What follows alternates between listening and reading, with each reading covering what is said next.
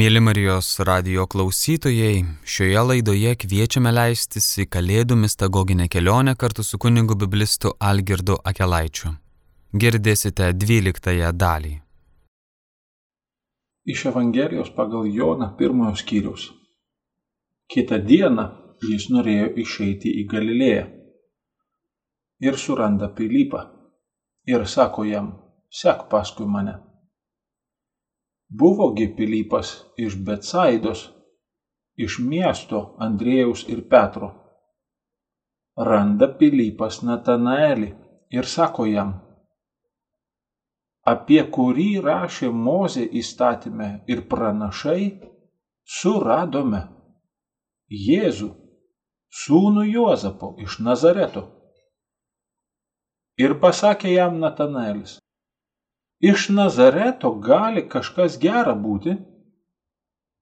Sako jam Pilypas, ateik ir pamatyk.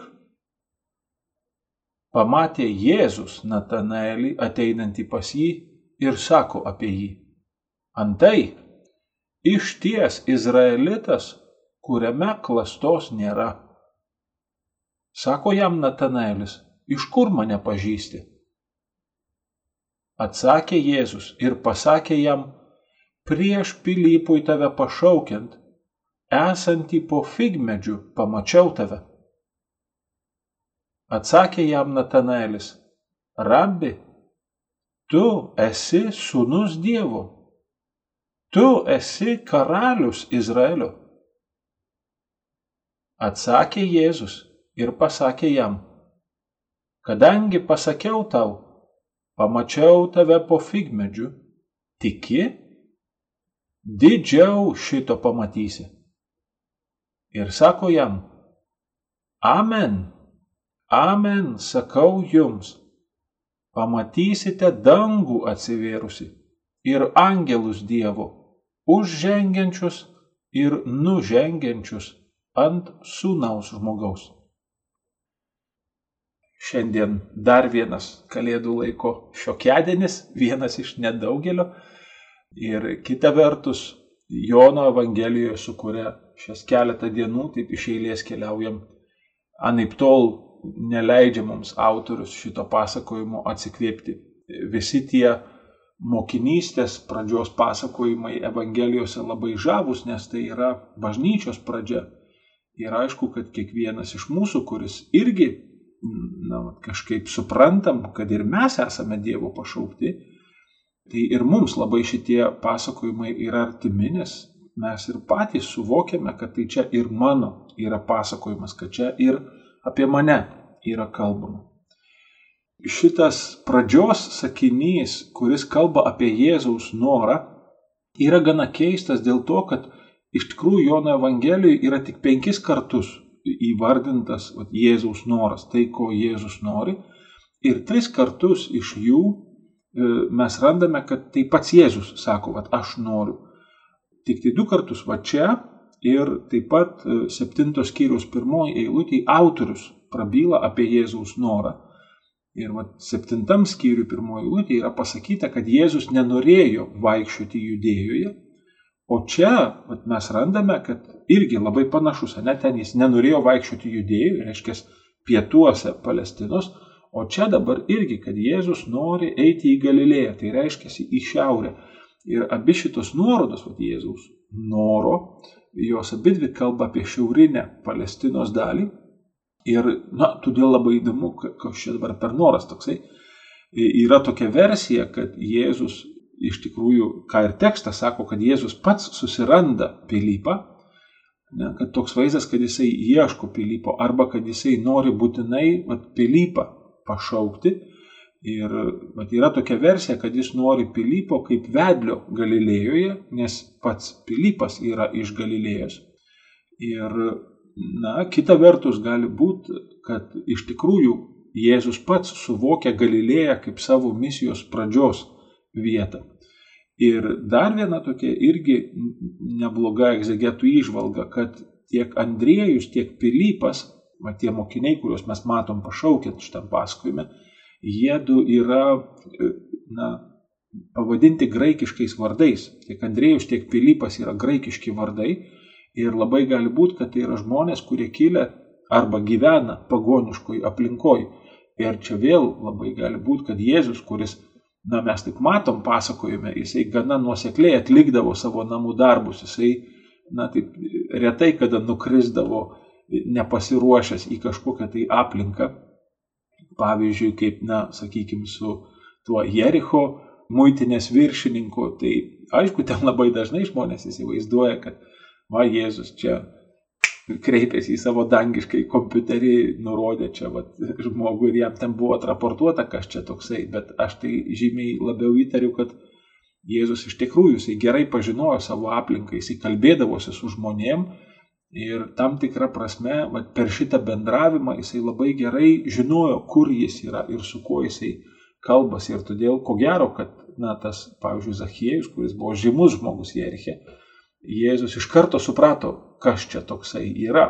Na, va, tai čia irgi labai gali būti, kad ir tas Andriejus ir tas Pilypas yra tokie, na, pakankamai Jėzaus pasirinkti žmonės, kad tai nėra šiaip savo, kad Jėzui čia užėjo ant seilės ir jisai, o, nu, tu dabar ateik, nu, tu čia pasipainiai po kojom aikštį. Na, va, tai čia ta versija, kad jisai, pavyzdžiui, Pilypą renkasi kaip vedlį, irgi labai įdomi. Ir net ir vat, mūsų mokinystėje, kad iš tikrųjų na, Dievas ir mus renkasi labai aiškiai suvokdamas, kas mes tokie esam, tai čia tokia vat, pagodos visai vieta ir graži eilutė. Nors tekstas nesako, kas įvyko tarp Pilypo ir Jėzaus, mes nerandam tekste jokio pasakojimėlio, panašiai kaip su tais dviem mokiniais, kad jie praleido dieną, Ir na, iš to kyla tokia versija, kad galbūt Pilypas ir yra tas bevardis mokinys, bet tas vienas iš dviejų Jono Krikštytojo mokinių, nu, nežinia. Bet vis dėlto, jau kai mes matome Pilypą 45 eilutė, kai jis nueina pas Natanaelį, tai būtent Pilypas nukala dar du vat, tokius labai aiškius. Na, vieną tai titulą, o kitą tokią nuorodą į Jėzų.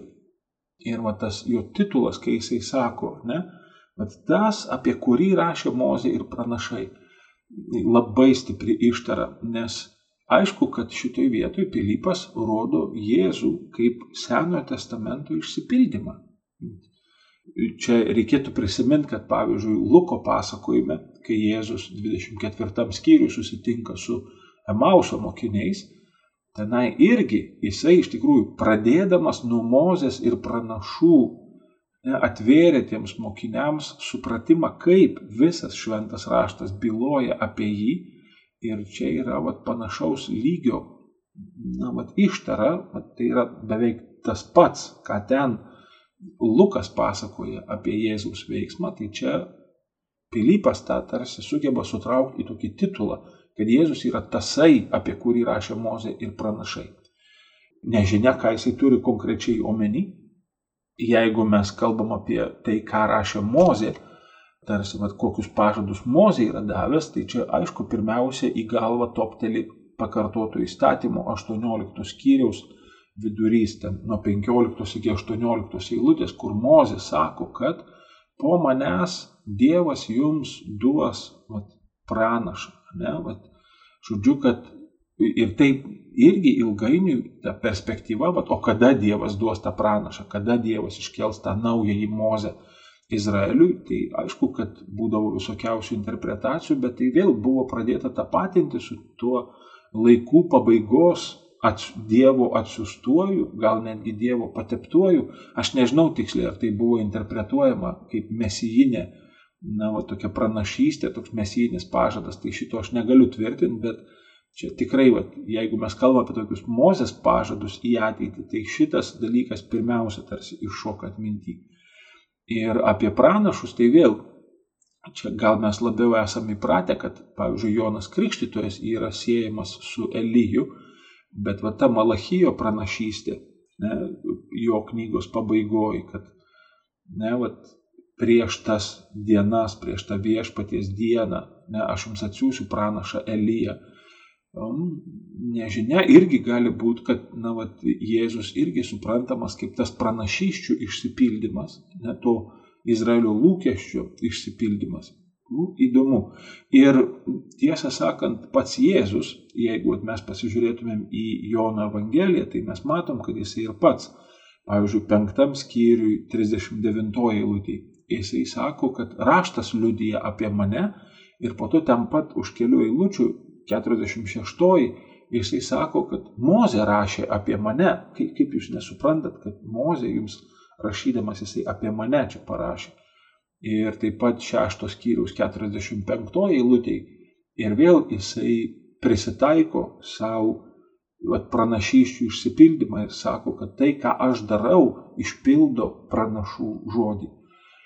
Nu, tai čia vėl, e, man atrodo, kad e, tas Senojo testamento išpildymas, e, mes kartais jį taip šiek tiek subanalinam, nu, kad maždaug, kad kaip, kaip čia dabar visi tie idiotai, kurie nesuprato, kad va čiagi žiūrėkit, va mesgi suprantam, va ne, čiagi žiūrėk, čia atitinka, čia atitinka.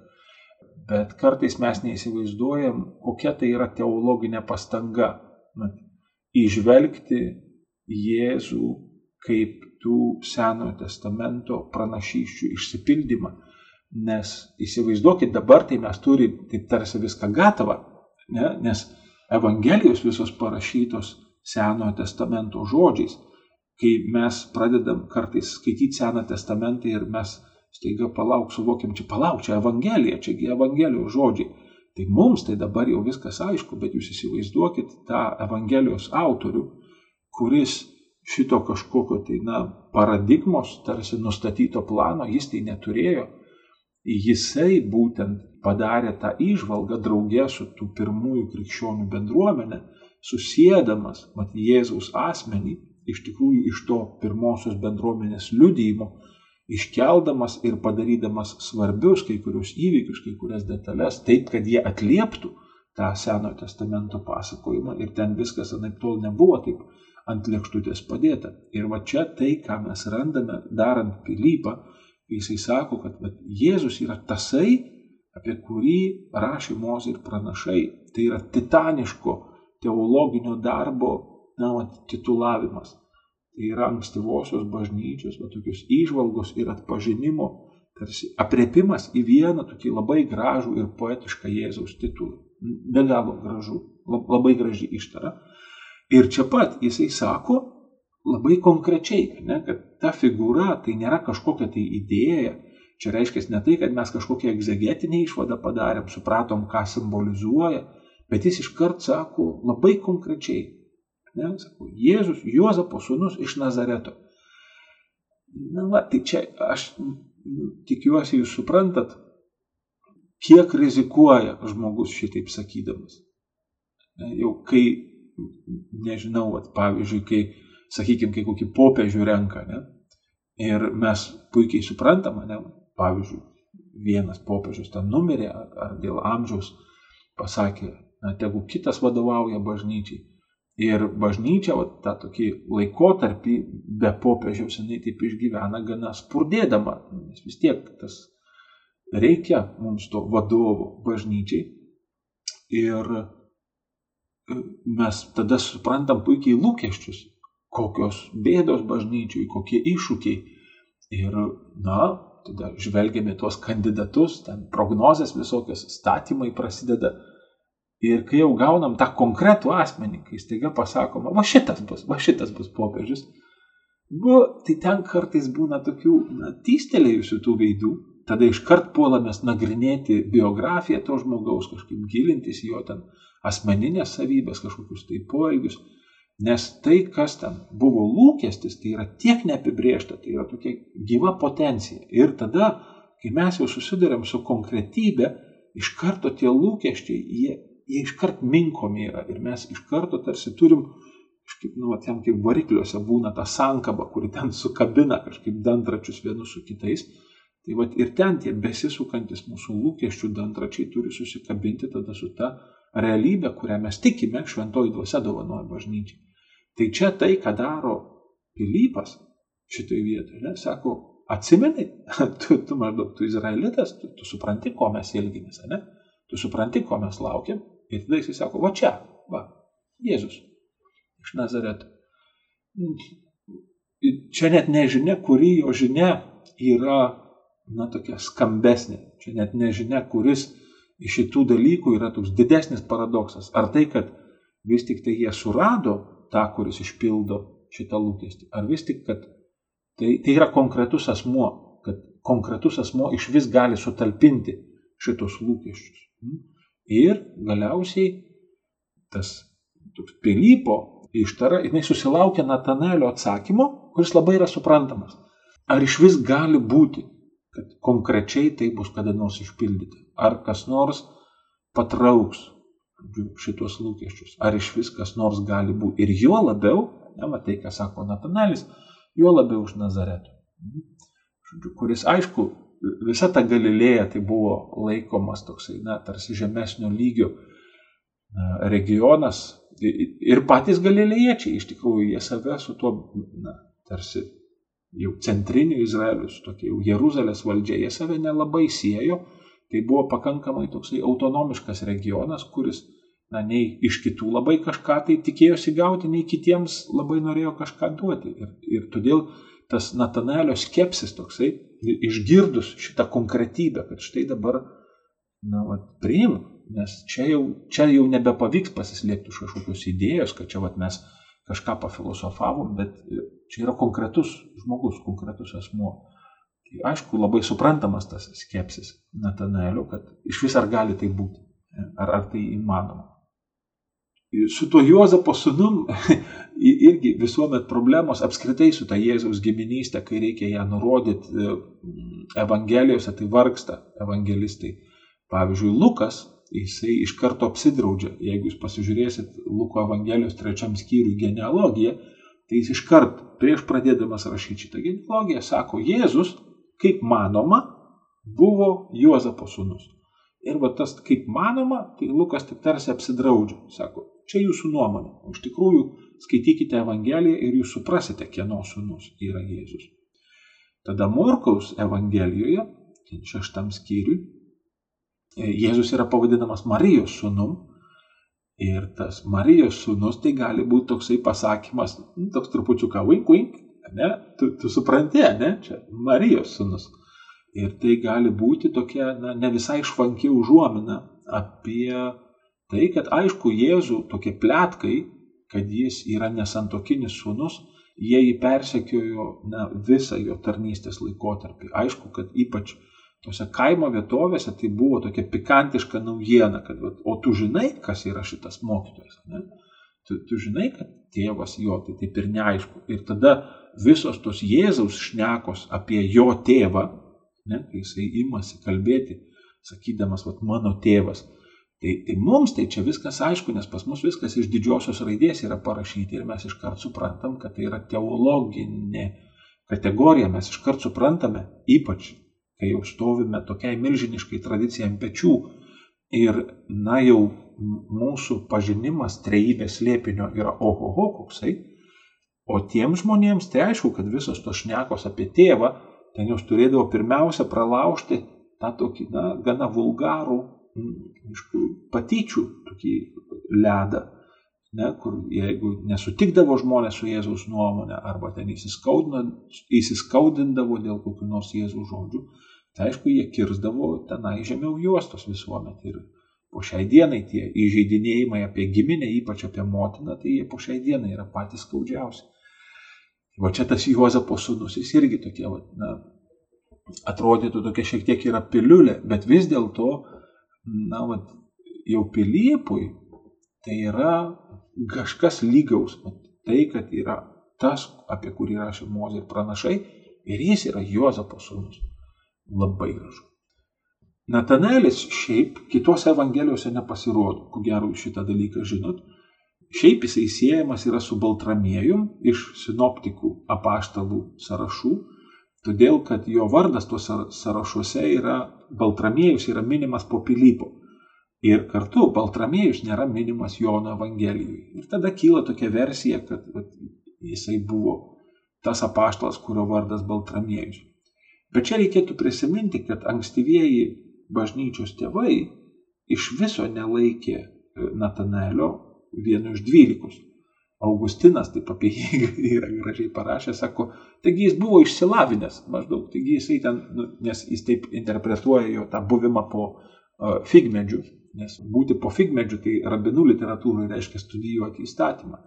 Ir Augustinas sako, kaip jis gali būti iš dvylikos, jisai išsilavinęs, tai jisai mokslininkas, tai koks jis apaštalas. Ir vėl, jeigu jisai net nėra apaštalas, tada man atrodo irgi labai gražu, kad paskutinysis mokinys, kurį Jėzus pašaukė Jono Evangelijoje, nes tai yra paskutinysis iš mokinių, apie kurių pašaukimą mes skaitom, jisai net nėra paštalas. Nežinau, va čia man kažkaip labai tas siejasi, kai čia vyko diskusijos, ar, ar Mykolas Gedraitis, ar jis yra vienuolis, ar jis yra pasaulietis. Tai mane tas taip pradžiugino, kad aiktų savo galvoju, būtų įsivaizduoti lietuvis pasaulietis paskelbtas šventuoju. Uhu, kokia tai stipri žinia būtų. Bet po to išsiaiškinom, kad jisai vienuolis. Nu tai trupučiuką netaip smagu. Um, nu va, bet vis dėlto ši čia irgi, man atrodo, labai įdomi ta versija, kad jeigu jis nėra paštalas ir vis dėlto Jėzus mokinys, tai čia labai yra stipri žinia, nes tai reiškia ne tada, kad yra daug tų mokinystės veidų ir daug būdų tapti Jėzaus mokiniu ir, Jono Evangelijoje tai yra nuo pat pradžių rodoma. Ir šiaip labai yra gražu, ne, kad e, mes matome tą atsikartojančią tokią mokinių pašaukimo principą. Panašiai kaip tenai Jėzus sakė tiems pirmiesiems dviems mokiniams, kai jie sakė, kur tu lieki, Jėzus sako, ateikite ir pamatysite. Ir dabar jau Pilypas šitą būdą jisai pritaiko Nataneliui. Kai Natanaelis sako, pši, žinai, koks čia dabar, kas čia gero iš Nazareto, jau Pilypas jam sako, ateik ir pamatyk. Labai gražu, mes suprantam, kad pačios pirmosios misijos mokinių tai va buvo tokios, kad jie neturėjo dar jokios teologijos, jie tiesiog ėjo ir kartojo Jėzaus žodžius. Jie tiesiog sakydavo, mūsų mokytojas sakė taip ir kartodavo Jėzaus žodžius.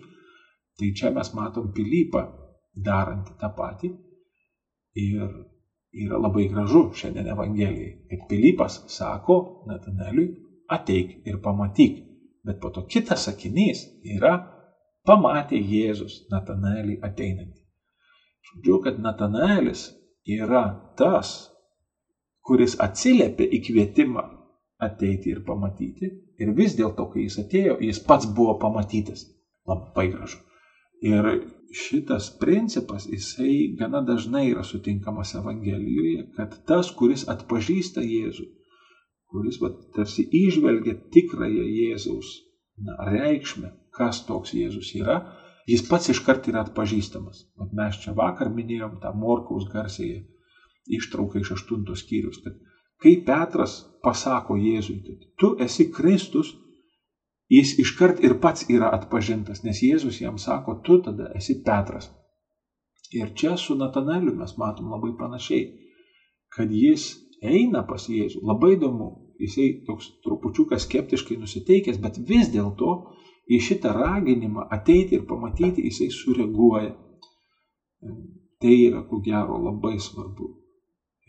Nes vat, Jono devintam skyriui Jono Evangelijos 9 skyriui mes skaitom apie judėjus, kurie, na, su, tu, su tam tikra arogancija ginčijasi su Jėzum ir sako, negi tu laikai mus aklais. Ir Jėzus sako, kad kadangi jūs nepripažįstate, kad jūs esate akli, jūs iš tiesų esate akli, tai jūs esate kalti, nes jūs tada nepriemate to, ką Dievas atveria manyje, ką Dievas daro regimą manyje. O vat Pilypas, kai jisai paskelbė Natanaeliui, Natanaelis sureaguoja į šitą kvietimą. Jisai sutinka pamatyti. Ir čia gali būti, kad ta Jėzaus ištara, kai jisai sako, va tikrai Izraelitas, tai čia labai gali būti, kad Jėzus Natanaelį laiko tarsi tikrų Izraelių.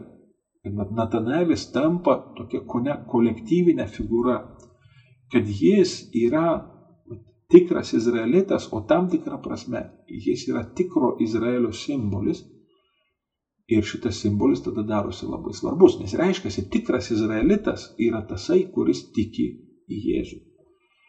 Ir čia pavyzdžiui, na, romiečiams devintam skyriui mes irgi labai įdomią skaitom Pauliaus įžvalgą, kai jis sako, ne visi, kurie kilę iš Izraelio, priklauso Izraeliui. Ta prasme, ne visi, kurie yra Jokūbo palikonis, kuris buvo pavadintas Izraeliu, ne visi, kurie yra kilę iš Jokūbo, priklauso Izraeliui. Ir va čia mes randam labai panašią mintį, ne, kad reiškia, tikras izraelitas yra tasai, kuris priema Jėzų, kuris įtiki į Jėzų, nes Jėzus yra Izraelio vilties pilnatvė. Mhm. E, juolab, ir čia dar daugiau, kad iš tikrųjų Jėzus apie jį sako, kad va, tikras Izraelitas, kuriame nėra klastos, tai čia vėlgi mes, mes prisimename, ne, kad Jokūbas iš tikrųjų, Jokūbas tai buvo tas, apie kurį net šventas raštas sako, kad va, Jis buvo brolis, kuris su klasta elgėsi kito brolio atžvilgiu. Tuomet, kai jisai pavogė savo brolio palaiminimą, pradžios knygos 27 skyriui, tėvas apie jį pasakė Ezavui. Sakė, va tavo brolis atėjo su klasta ir tavo nukninkė palaiminimą. Ir dar įdomiau, kad kai mes kalbam apie Jahvės tarną, va, tą Izaijo tokia irgi slepininga figūra, kuri labai dažnai siejama su Jėzum, bet pačios tos giesmės Jahvės tarno, jos interpretuoja šitą tarną kaip Izraelį, kad Jahvės tarnas yra Izraelis. Ir va tenai 53 skyriui 9 eilutėje vienoji iš šitų tarno giesmių yra sakoma, kad jo burnoje nėra klastos. Tai čia vėl gali būti, kad evangelistas Jonas jisai audžia tas tokias Seno testamento figūras, jas tarsi vis papildydamas šitą Natanaelio portretą ir tikrai į jį sutelkdamas tą idealaus izraelito. Ta, va, tokio izraelito, kuris viena vertus yra na, tikrai brandus labai asmuo ir kuris tam tikrą prasme kritiškai vertina tai, kas jam yra sakoma, jisai nepuola stačia galva į kiekvieną žinią, bet vis dėlto jis yra atviras tiesai ir jisai ryštasi tą tiesą tikrinti ir vos tik tai susiduria su patvirtinimu tos tiesos, jis ją yra pasiruošęs pripažinti. Tai čia Natanaelis yra labai graži ir labai rimta figūra. Ir, jeigu mes dar prisimintumėm iš e, Sofonijo knygos, ten trečios skyriaus 13 eilutė, tai tenai Sofonijas rodo tą buvimą be klastos kaip ištikimybę Jahvei. O žodžiu, kad reiškiasi, tikra ištikimybė Dievui, izraelitiška ištikimybė Dievui, pagal Jono Evangeliją tai gautųsi Kristaus pripažinimas. Reiškia, atpažinus Jėzų, įtikėti jį kaip Kristų. Ir vėlgi, jeigu tikrai Natanaelis yra paskutinis mokinys, apie kurio pašaukimą mes skaitome, tai tada e, gautųsi, kad na, Jėzus galbūt čia išpildo tai, ką Jonas norėjo padaryti. Bet jeigu jūs prisimintumėt Jono Evangelijoje, žodžiu, kai Jonas Krikštas kalba apie savo misiją, pirmos skyriaus 31 eilutė, jisai sako, kad aš jūs krikštiju tam, ne, kad vat, Kristus būtų apreikštas Izraeliui. Ir vat, jeigu dabar Natanaelis yra tas tikras izraelitas, kuris atpažįsta Jėzų kaip Kristų, tai reiškia, čia užsibaigė tam tikras pirmasis Evangelijos etapas. Bet tai, ką Jonas norėjo pasiekti su Natanaeliu, tai yra pasiekta. Izraeliui Jėzus yra preikštas ir Izraelis jį atpažįsta. 48 eilutė ta ištara apie tai, kad aš tave mačiau po figmedžiu, oi, čia, vaikeli, čia yra prirašyta tiek knygų apie šitą ištarą, nes aišku, akivaizdu, kad tai yra simbolis. Ir tam simboliui yra daugybė interpretacijų. Aš jums pasakysiu čia keturias, bet aš iš tiesų pats nežinau, na, kaip apsispręsti, kuri ta interpretacija būtų tarsi teisinga. Čia net nežinia, iš tikrųjų. Nes jeigu žiūrim į rabinišką literatūrą, va, tai ką rabinai vadindavo sėdėjimu po figmedžiu, tai pirmiausia tai būdavo vadinama na, studijavimas. Žodžiu, sėdėti po figmedžiu tai buvo studijų vieta. Reiškia, tai buvo gilintis į įstatymą. Net ne į Bibliją. Bibliją studijuoti tai moterų reikalas yra Izraelija. O vyrai tenai gilinasi į Torą, jie, jie gilinasi į įstatymą, ypatingai po to Talmudą, Mišną ir taip toliau taip. Hmm? Na, va. Kartais pats įstatymas yra lyginamas su figmedžiu ir čia šita interpretacija būtų visai įdomi, ne, nes čia tik ką 45 eilutė įstatymas buvo paminėtas, o, įdomu, tada gali būti, kad tai yra susitikimo su Dievu vieta, bet susitikimo su Dievu vieta tokia, kur žmogus atsiveria Dievui. Iki tiek, kad kartais tai yra interpretuojama, kad tenai Natanaelis atgailojo ir tenai jisai šaukėsi Dievo gailestingumo. Na, kartais taip yra interpretuojamas šitas buvimas po figmedžiu. Arba jeigu mes kreipiamės į pranašiškus tekstus, ten Michėjo ketvirtas skyrius, Zacharijo trečias skyrius, tai va ten tas sėdėjimas po figmedžiu žymi tokią mesijinio laiko pilnatvę. Kad reiškia, kad kai ateis mesijas, tada va, ta tokia santarvė, kurią mesijas tarsi dovanos tiems, pas kuriuos ateis, tai, tai bus va, tas, tos santarvės simbolis ir pilnatvės simbolis. Tai va, yra tas sėdėjimas po figmedžiu. Nežinia. Faktas, kad šitą Jėzaus ištarą padaro tokį didžiulį įspūdį Natanaeliui, kad mes iš to, kaip tas pasakojimas vystosi, mes suprantam, kad Natanaeliui tai yra be galo asmeniškas dalykas. Kažkur Jėzus pataikė. Ar tai šiaip kas nebūtų visai svetima Jono Evangelijoje, ar čia mes susidurėm su tuo Jėzaus pažinimu, kuris pranoksta žmogiškai pažinimą. Jono Evangelijoje mes randame tokių ištarų, kad Jėzus turi tokį pažinimą, kuris toli toli pranoksta bet kokią žmogišką įžvalgą. Ar vis dėlto tikrai, na, vat, kažkur tai Jėzus elgesi ir čia kaip pranašas, ta prasme, kad jam šventoji dvasia įkvėpia vat, kreipinį į tą žmogų ir tas kreipinys, jisai net pačiam Jėzui yra tam tikra naujiena. Aš nežinau, ar jūs esate su to susidūrę. Manyčiau, kad na, tie iš jūsų, kas esate suaugę, na, kas daugiau mažiau taip, su Dievu bandote eiti per šitą gyvenimą, tai aš manau, kad ten labai ilgai neištveria žmogus, jam būna ir nukrenta tokia malonė vat, į, į glėbį. Iš tikrųjų mes kartais e, sugebam pasakyti tinkamą žodį tinkamu laiku, patys to iki galo nesuprasdami ir net negalime dėl to didžiuotis. Vat, pavyzdžiui, ir čia, vat, šitoj mistagoginiai kelionėje, aš nekartą su to susiduriu, kad vat, kai kurie iš jūsų imat ir parašot, na, vat, jūs sakot, man, man prabilo tai, ką tu kalbi, nors iš tikrųjų tai nieko čia specialiai netaikau, aš skaitau komentarus ir, ir bandau jums pasakyti, ką tie komentarai sako, bet na, vat, tai yra tikrai tas Dievo žodžio gebėjimas byloti ir kad pasirodo užtenka tą žodį kartot ir tas žodis pats prabyla. Tai va čia irgi gali būti tokia situacija, kad viena vertus tai gali būti tikrai Jėzaus toks intencionalus pasakymas, kai jisai pranokdamas bet kokį žmogišką supratimą, čia elgesi kaip Dievas. Arba kita vertus, jeigu ir tai labai artima Jono paveikslui, ta prasme, kad Jonas Jėzų tikrai vaizduoja kaip Dievą. Ir kita vertus, na taip trupučiuką tų stebuklinių interpretacijų atsisakant, tai gali būti, kad iš tikrųjų čia ir pačiam Jėzui yra tokia šventosios dvasios patirtis, kai jisai pataiko pasakyti tokį žodį, kuris tą žmogų atveria, padeda tam žmogui irgi, na, vat, patirti apreiškimą. Na, į labai įdomu. Bet šis vat, tikrai toks asmeniškas ir labai gilus apreiškimas, kurio Natanaelis sulaukė iš Jėzaus, jį patį, Natanaelį, atveria išpažinimui. Ir tas išpažinimas yra tam tikra kulminacija, tokia teologinė kulminacija šitos Evangelijos dalies, kurią mes vakar ir šiandien skaitome. Jisai sako du titulus - Dievo sūnus ir Izraelio karalius. Pirmiausia, apie Dievo sūnus. Aišku, kad mums Dievo sūnus tai iškart yra, na, viskas aišku, antras treibės asmo. Bet ar Natanaelis gali turėti tokį pažinimą? Ar jis jau čia kalba apie treibę? Labai abejotina. Greičiausiai Natanaelis čia kalba tai, ką kalbėtų izraelitas, vadindamas ką nors Dievo sūnumi.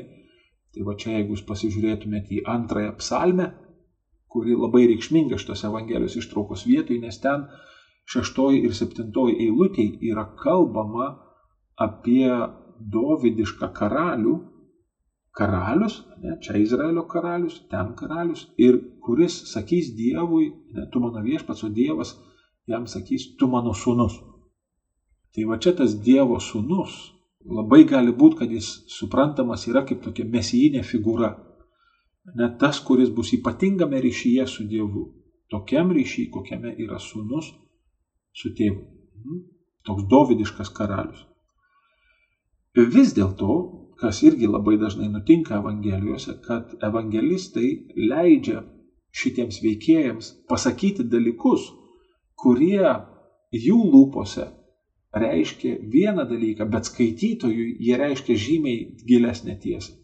Ta prasme, kad šitas pasakymas Natanelio lūpose, tu esi Dievo sūnus, pirmiausia tam žmogui, kuris jau yra atpažinęs Jėzų kaip Dievo sūnų, kaip treibės asmenį, aišku, kad jam tai yra iš karto, taip, taip, jis yra Dievo sūnus, tu teisus Natanelį.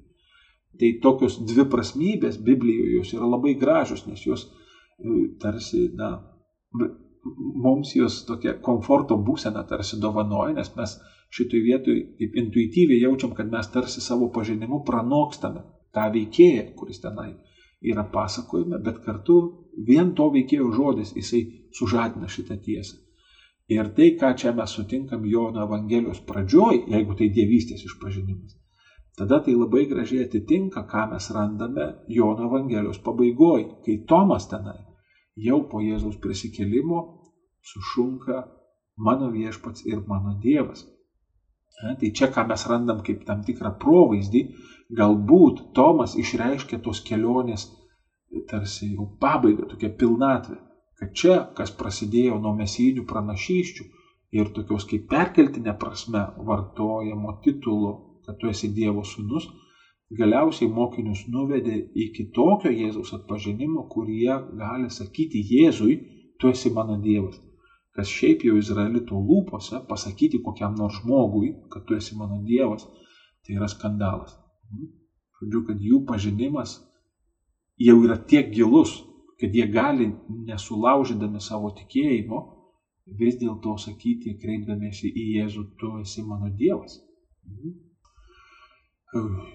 Ir čia vėl, kita vertus, gali dar irgi būti, kad Natanelis, čia kaip mes sakėme, ne, jeigu jis yra tokia figūra, tarsi, kuri simbolizuoja Izraelį, gali būti, kad jis čia siejamas vėlgi su tuo Izraeliu, tai reiškia Jokūbu, kuris 28 pradžios knygos skyrių mato tą dieviškąją viziją, jis mato tą atsivėrusi dangų, tuos laiptus iš dangaus į žemę. Na, matai, čia ir vėl gali būti, kad ir tokia interpretacija yra, kad jis tarsi, Natanaelis yra tas, kuris nueina seno, seno, senojo testamento teologijos na, klumpėmis tiek, kiek jisai gali nueiti. Jis tarsi pasiekia patį aukščiausią lygmenį, pavadindamas Jėzų tuo Dievo sūnumi, apie kurį kalba Senasis testamentas, reiškia Mesijų. Ir antrasis titulas, kurį duoda ir išsako Natanaelis Jėzui, tai yra Izraelio karalius. Tai čia šitam kontekste, taip kaip Natanaelis elgėsi ir kaip jisai kalba su Jėzumi, mes puikiai suprantam, kad jis tikrai kalba ne apie tokį karalių kaip Erodas. Kad tai nėra nacionalistinis ar politinis kažkoks tai karalius. Bet e, Natanaelis tikrai kalba apie Jėzų kaip Izraelio karalių, turėdamas omeny, kad Jėzus yra tikrasis karalius.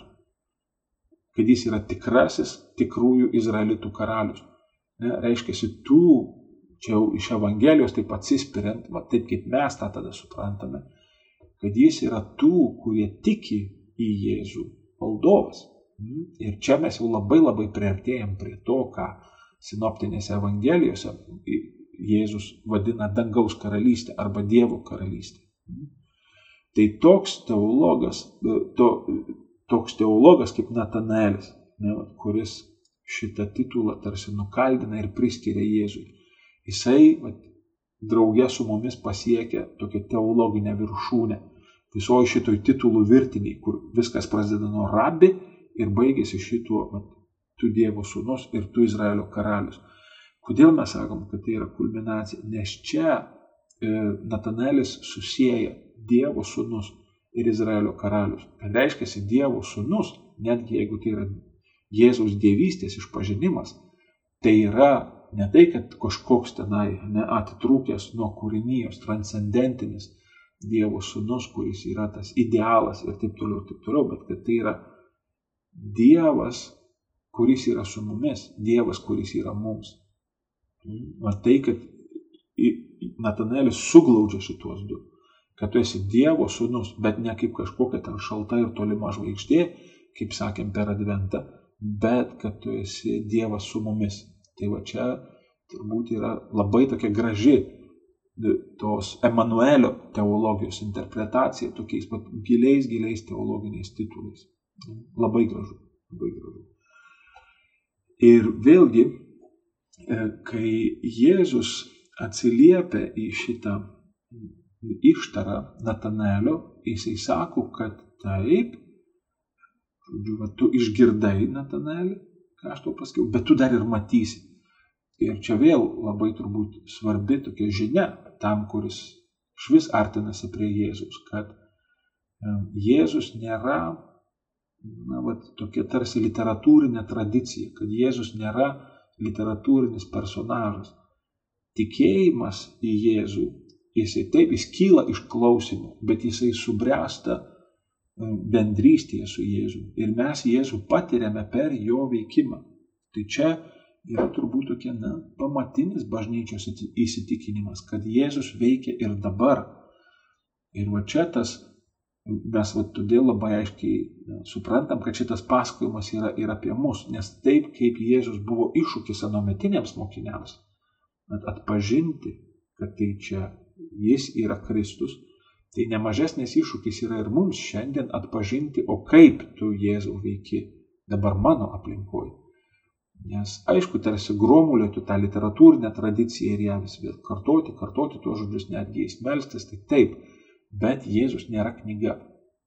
Jėzus nėra, na, mat, literatūra. Jėzus yra gyvas asmuo. Čia mes apie jį skaitome, bet jis veikia mūsų aplinkoje. Ir va čia tas duotas Natanaeliui pažadas, jisai galioja ir mums. Kad va tu išgirdai, bet dabar tu dar ir pamatysi. Vėlgi, čia labai svarbu, kad Jėzus čia sako, jūs pamatysite. Jisai tarsi atsako Natanaeliui, bet po to kalba daugiskaitė. Tai čia labai gražu, kad, žinot, kaip tam filme, serialė, tam kortų namelis ten jie naudojo irgi tokią labai gražią naratyvinę priemonę, kad pagrindinis veikėjas, o po to beje ir jo žmona, kartais imdavo ir atsigręždavo į kamerą, jie taip kaip ir išeidavo, taip vadinam, out of character, kaip, kaip sako na, na, naratologijai, kad maždaug jis taiga, išlipdavo iš savo vaidmens ir kreipdavosi tiesiai į, į na, žiūrovą. Tai labai stipru yra. Tai čia labai panašu, kad irgi Jėzus tarsi išlipa iš savo tokio kaip veikėjo vežėčių, atsigrėžia į tuos, kurie skaito ir sako, jūs pamatysite, ne? kreipdamasis į mus. Labai irgi, labai stipri ištara. Ir ta 51 eilutė, kuri prabyla apie tuos angelus kylančius ir nusileidžiančius, yra irgi labai keista, labai sunku ją interpretuoti ir aš ir vėl čia neturiu kažkokio normalaus paaiškinimo. Um, gali būti, kad šitą eilutę apskritai yra atkelta tarsi iš kitos vietos. Evangelijoje neseniai tokia pakankamai izoliuota šitam kontekste. Ir gali būti, kad jinai, jeigu buvo kitoje vietoje Evangelijoje, jinai galbūt buvo siejama su prisikėlimu, nes Jono Evangelijoje angelai pasirodo tik tai jo prisikėlimo scenoje 20 skyriui. Gali būti, kad tai buvo savo laiku nuoroda į Paruziją, į antrąjį Jėzaus ateimą, kur irgi sinoptikuose mes randame, kad jis ateis savo šlovėje su angelais. Kita vertus, gali būti, kad tai yra nuoroda į Jėzaus krikšto įvykį, kur mes Jono Evangelijoje nerandam aprašytą Jėzaus krikšto, bet e, panašumų yra labai įdomių, nes ir ten atsivėrė dangus, ir čia atsivėrė dangus. Po krikšto Mato Evangelijoje Jėzus buvo išmėgintas ir ten po to išmėginimo angelai prisertino ir jam tarnavo. O čia įdomu, čia teksto tradicijos klausimas, nuo Augustino, Augustinas, man atrodo, pirmas yra, kuris susijėjo, bet čia daug proto nereikia, kad susijėtum, nes yra tik viena kita vieta, kur e, šventajame rašte angelai kyla ir leidžiasi. Tai yra va, tas e, pradžios knygos 28 skyrius, kur Jokūbas mato tuos laiptus iš dangaus į žemę ir jais kyla ir leidžiasi angelai. Ir aišku, kad interpretacijų čia gali būti labai įvairių, bet va, tai, ką egzegetai kalba, vis tiek sukasi apie tokią centrinę ašį. Tarsi, kad vienai par kitaip Jėzus yra dangaus susitikimo su žeme vieta ir įvykis. Kad Jėzus tai yra ne tik susitikimo, bet ir vienybės, kuri galiausiai tarsi atsiskleidžia tokiu pažadu ir lūkesčiu, kuris remiasi Jėzaus žodžiu, kad bus suvienita pilnai žemė su dangumi. Kad mes, kurie tikime į Jėzų, būsime galiausiai ten, kur ir Jisai. Tai reiškia tėve. Taip, ne, tėvų čia viduje krūtinį. Hmm? Na va, ir šia prasme, taip jau kalbant Jono Evangelijos žodžiais, tai reiškia, kad Jėzus yra Dievo šlovės vieta žemėje. Šlovė šią prasme tai reiškia dieviškumą. Kad Jėzus apreiškia tėvo dieviškumą. Kad Jėzus pats yra šito dieviškumo apsireiškimas žemėje. Ir tai labai gražiai tada tarsi na, paaiškintų, kodėl šitą eilutę galbūt išimta iš kito konteksto atsiduria čia. Nes jinai yra prieangis į kanos vestuvių įvykį, kuriame, nepamirškime, Jėzus padaro savo ženklų pradžią ir Pabaiga to pasakojimo sako, mokiniai pažino jo šlovę ir įtikėjo jį. Žodžiu, reiškia, mokiniai pažino Jėzaus dieviškumą ir įtikėjo jį. Čia Jėzaus šitas dvigubas amen, kurį jis kartuoja amen, amen. Aš nežinau, kodėl mes jo neverčiam Evangelijose, net ir dabar vat, mes darom ekumeninį vertimą. Um, nežinau, kai aš ten pasakiau, kad gal davai verčiam amen, amen, ten iškart gavau rėkti. Aš nežinau, liturgijai, pavyzdžiui, mes nebijom šito žodžio, tikrai sakom šitą žodį, kodėl mes jo nevartojam e, Evangelijose, tai man ne visai suprantama, bet čia gal mano, taip sakant, intelektiniai e, problemos kažkokios. Tai e, vėlgi net ir Evangelijoje tai tikrai yra greičiausiai tokios liturginės formuluotės, kurios žymi vienas iš ankstyviausių krikščionių bendrijos maldų. Tai labai būdingas Jėzaus žodis ir labai gali būti, kad, pavyzdžiui, ypatingai ta Jono Evangelijos formuluotė, kai Jėzus sudvigubintai sako, amen, amen. Hmm, tai čia gali būti, kad tai tapo ir ankstyvosios bendruomenės tokiam maldos formulėm ir mes, pavyzdžiui, dabar netgi, kai, sakykime, maldose, ne, bendruomenė liturgijoje irgi turi savo atliepus, sakydama amen, tai čia vėl mes galim sakyti, kad tai kilo iš izraelitų tradicijos, nes tenai žmonės irgi atsiliepdavo tokiais žodžiais amen, netgi sudvigubindami, jeigu jūs pasižiūrėsite Ezros knygos 8 skyriaus 6 eilutę, tai jūs matysit, kad tenai, kai Ezra ruošiasi skaityti iš įstatymų knygos, jisai pašlovina Dievą ir bendryje į šitą šlovinimą atsiliepia amen, amen, du kart kartuodamo, tai kaip Jėzus dvigubina.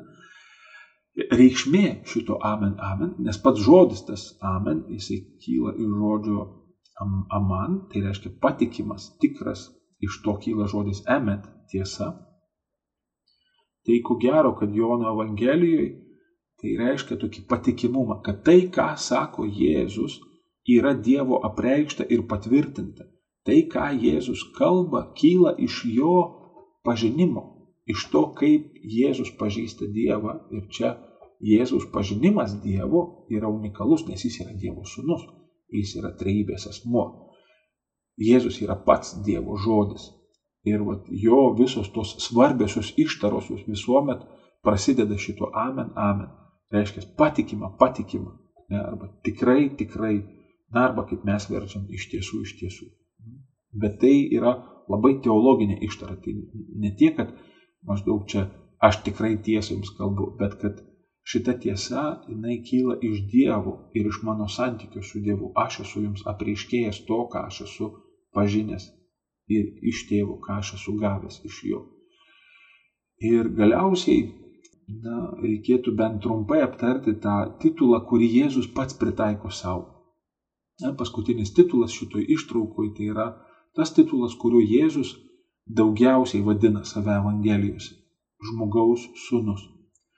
Ko gero, kilmė šito titulo yra iš Ezekielio knygos, tenai užsimesga šitą teologiją žmogaus sūnaus.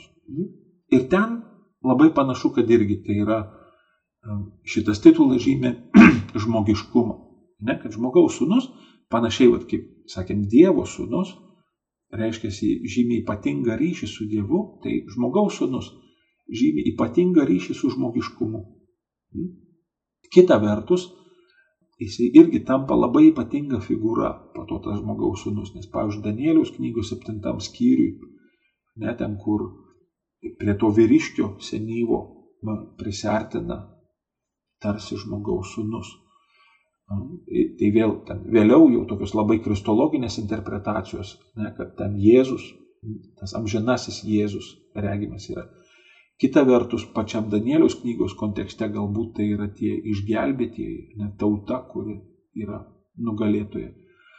Taip pat Enocho knygoje, kuri na, nėra priimta į Biblijos kanoną krikščionyje, bet vis dėlto buvo labai populiari tarp ankstyvųjų krikščionių, tenai irgi yra kalbama apie žmogaus sūnų ir va ten tas žmogaus sūnus tai yra tas išgelbėtojas, bet amžinasis išgelbėtojas, va toj tokioj preegzistencijai, reiškia tam amžinam buvime.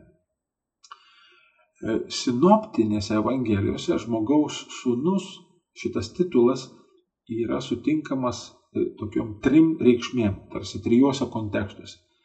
Pirmiausia, tai kaip nuoroda į žmogiškumą Jėzaus, tokį į žemišką Jėzaus būti. Ja, tai kad jis valgo, kad jis gyvena, kad jisai gelbsti, nu, tai va toks žemiškasis Jėzus. Kita, antras kontekstas tai yra, kad tai yra nuoroda į būsimą Jėzaus kančią. Taip yra žmogaus sūnus. Šitas titulas minimas siejant jį su Jėzaus kančia. Ir trečias kontekstas tai, kad e, žmogaus sūnus yra tas, kuris laikų pabaigoje pasirodys su šlove. Hmm? Ir čia Jono Evangelijoje 12 kartų šitas titulas vartojamas ir yra vat, tiek ta nuoroda į kančią, tiek ta šlovinga ateitis Jono Evangelijoje. E, Jonas nevartoja tos nuorodos į Jėzaus žemiškumą. Vat čia tikrai tai jau susijęs su tokiu Jono paveikslu Jėzaus, kad Jėzų, Jėzų jis vaizduoja kaip labai dievišką. Hmm? Ir čia, man atrodo, irgi labai yra svarbu, kad mes galime suprasti šitą um, Jėzaus titulą savo pritaikytą kaip atliepa į Natanelio išpažinimą. Ir kai Natanaelis to išpažinimo šūksnių sureagavo į Jėzų ir pasakė, tu Izraelio karalius, Jėzus į šitą išpažinimą atsiliepia pažadu, kuris yra skirtas ir mums. Kad jūs regėsite žmogaus sūnaus šlovę. Žodžiu, reiškia, kad aš būsiu jums apreikštas visoje pilnatvėje. Labai panašu, beje, tai, ką Jėzus sako, mato Evangelijoje savo teisme. Kai jisai ten sako, jūs matysite atsivėrusi dangų žmogaus sūnų sėdinti tėvo dešinėje. Tai va ta šlovė ir tas sėdėjimas tėvo dešinėje, reiškia dieviškumas, čia yra labai labai arti.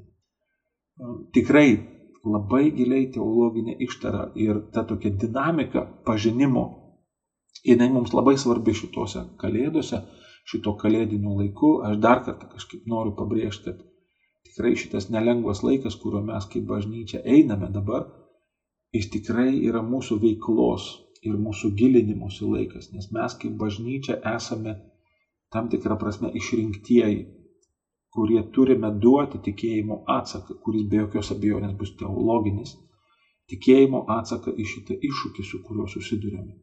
Tai, kas yra žmogiška, kas yra padaroma žmogaus genijumi, ne? vakcina, pagalba, savanorystė, dabar daug girdim tokių gražių liūdėjimų. Tas taip. Bet vis dėlto į šito laiko iššūkį mes turėsim atsakyti ir kaip bažnyčia. Ir aišku, kad bažnyčia neretai jinai įtraukia pečius trumpam ir ten žmogiškai daugiau mažiau išsisprendžia ir tada mes tarsi vėl atsitėsėm ir sakom, nu va, va, viskas dabar gerai baigėsi, einam melstis. Bet aš manau, kad Tai, kaip mes atskaitome Evangelijoje, kaip tie žmonės uoliai reaguoja į savo laiko iššūkį. Ir pagrindinis iššūkis ten yra Jėzus, kuris yra Kristus.